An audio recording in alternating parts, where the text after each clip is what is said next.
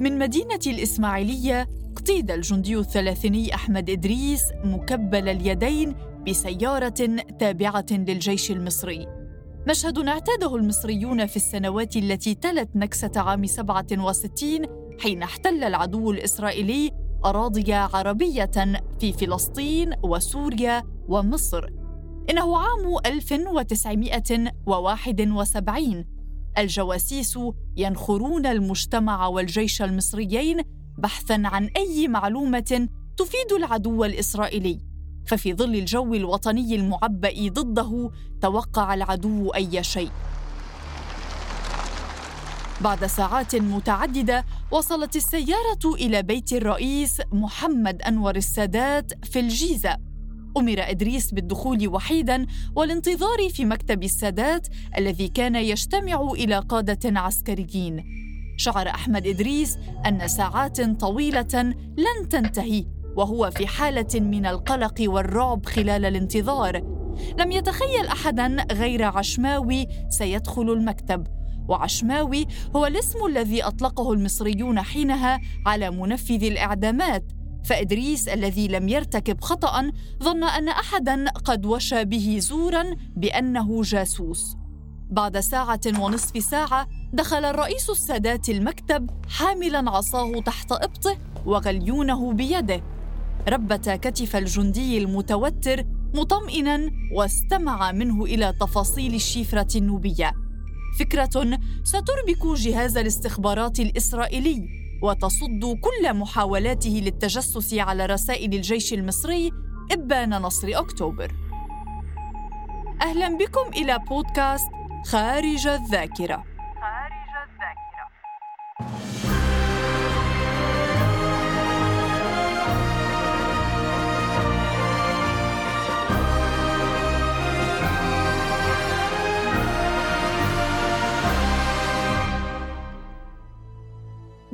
استمع إلى حوار يدور بين قائد لواء ورئيس الأركان أثناء توصيله إياهما إلى وجهتهما. ضحك أحمد إدريس ضابط الصف البالغ ثلاثة وثلاثين عاماً. كان الرجلان يتكلمان عن معضلة مهمة شغلت بال قيادة الجيش وهي مسألة التجسس الإسرائيلي.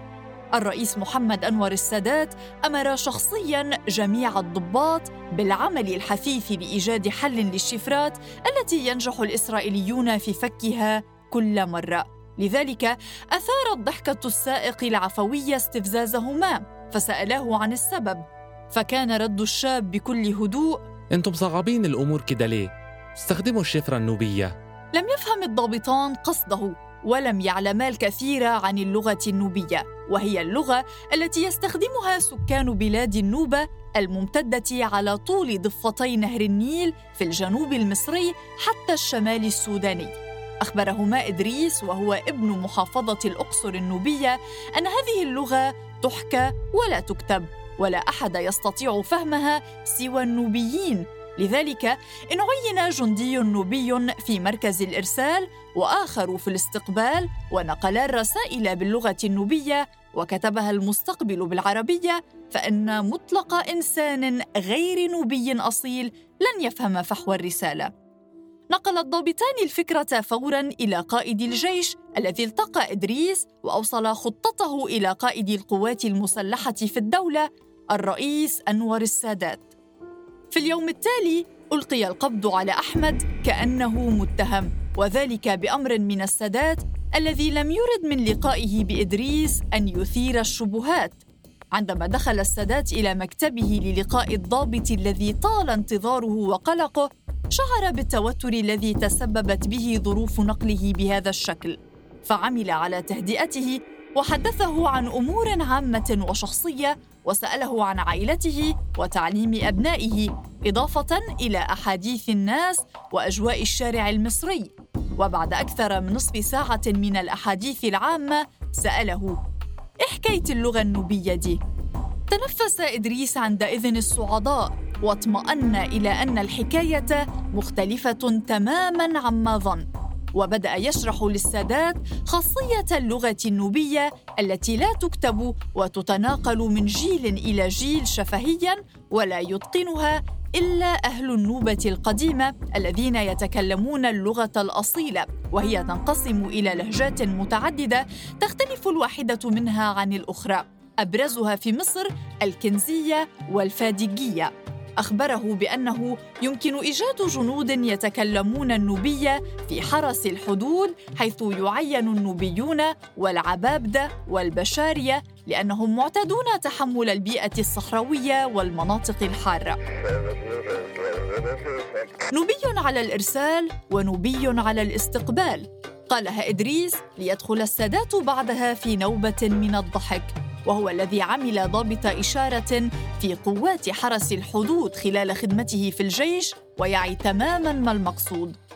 استنكر إدريس ضحك الرئيس وظن أنه يستهزئ به فوقف سائلا إياه إن كان قد تلفظ بما هو غير مناسب فأجابه الرئيس أنه يضحك لسبب في نفس يعقوب جلس السادات مفكرا لبعض الوقت أشعل غليونه وقال لي سأنفذ كلامك لكن هذا الموضوع سري جدا ويجب ألا تنطق به لأي شخص كان حتى لزوجتك. فالنساء ثرثارات يتكلمن كثيرا. خمسة أشخاص يعلمون عن هذه الخطة. أنت وأنا ورئيس الأركان وقائد اللواء وقائد الجيش. إذا خرج الكلام من هذه الدائرة الصغيرة فستحاكم وسيجري إعدامك رميا بالرصاص. خرج أحمد من منزل الرئيس محتارا. بماذا يجيب من رأوه مكبلا بالأصفاد؟ عندما سأله الجنود المنتظرون في الخارج لمعرفة سبب لقاء الرئيس به أجابهم أن الرئيس كان يود الاستعلام عن أوضاع النوبيين بعد التهجير الذي تسبب به السد العالي. بعد هذه الزيارة أعطي إدريس إجازة كي لا يثير اقتياده بهذه الطريقة الشبهات. وبعد عودته للعمل وجد إشارة من قيادة الجيش تطلب حضوره إلى مركز القيادة. هناك وجد 344 جنديا نوبيا نصفهم من الكنوز والنصف الآخر من الفدقة هاتان المجموعتان تنطقان بلهجتين مختلفتين تماما. خلال فترة التدريب اتفق الجنود على تسمية الأشياء أسماء أخرى كي يجعلوا الشفرة أكثر تعقيداً. فمثلاً أطلقوا على الدبابات اسم أولوم وهي تعني بالنوبية التمساح. وأطلقوا على العربات المجنزرة تسمية أسلنجي وتعني الثعبان. كما تدربوا على فك وتركيب أجهزة الاتصال اللاسلكية ووزعوا على عشرين محطة إرسال داخل صحراء سيناء المحتلة. أطلقوا على المحطات اسم أوندي وتعني الذكر باللغة النوبية. كانت مهمة الجنود الأساسية تتمثل باختار القيادة بعدد الجنود الإسرائيليين في كل منطقة واستطاعوا تقدير ذلك من خلال مراقبة عدد الآليات وسعة كل منها. خلال النهار كان الجنود يختبئون في حفر تشبه الكهوف وتتجمع تحتها خزانات المياه الجوفية. أهالي سيناء كانوا يزودون الجنود المصريين بالطعام والشراب.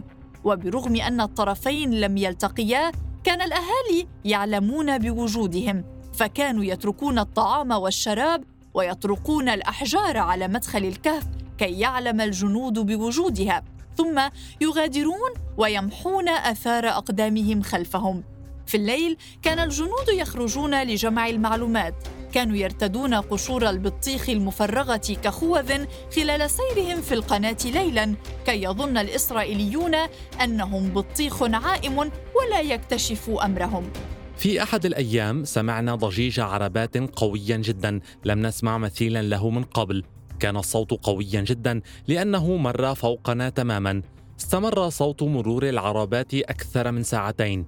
عندما تمكنا من الخروج للاستعلام عن مصدر الصوت رأينا ما يزيد على 200 شاحنة عسكرية تحمل الدبابات. أبلغنا عنها فورا وكانت المرة الأولى التي أرى فيها طائرات مصرية تحلق فوق صحراء سيناء. تكت العربات مدمرة إياها بالكامل. استمر العمل السري من عام 71 حتى عام 73 قبل يوم واحد من إعلان الحرب. وظلت الشفرة التي سماها الإسرائيليون لغة الشياطين متداولة في البيانات السرية بين القادة حتى عام 94 كان الجميع يظن أن فكرة الشفرة النوبية اقترحها الرئيس السادات إذ طلب من إدريس عدم الكشف أنه هو صاحب الفكرة أمام زملائه كي لا يحسدوه أو يشعروا بالغيرة على حد قوله. الضابط الذي لم يكمل تعليمه الثانوي من أجل الالتحاق بالجيش بعد ثورة يوليو عام 52 ولشدة تأثره بالضباط الأحرار أبقى أمر الشفرة سراً أربعين عاماً. حتى أقرب المقربين إليه لم يعلموا أن مهمته كانت خلف خطوط العدو في أراضي سيناء المحتلة. كان استخدام هذه اللغة التي اختفت أصولها المكتوبة في القرن العاشر أحد عوامل نجاح حرب أكتوبر التي اعتمدت على عنصر المفاجأة على نحو أساسي إذ لم يستطع الإسرائيليون فكها وبالتالي معرفة ما يخطط له المصريون. وبرغم ذلك لم يلقى صاحب الفكرة أي تقدير ولو بالسر لفكرته. في العام 2011 أفرج إدريس عن السر بعدما ادعى أحد الأشخاص زورا أنه صاحب الفكرة وبدأت وسائل الإعلام تسليط الضوء عليه.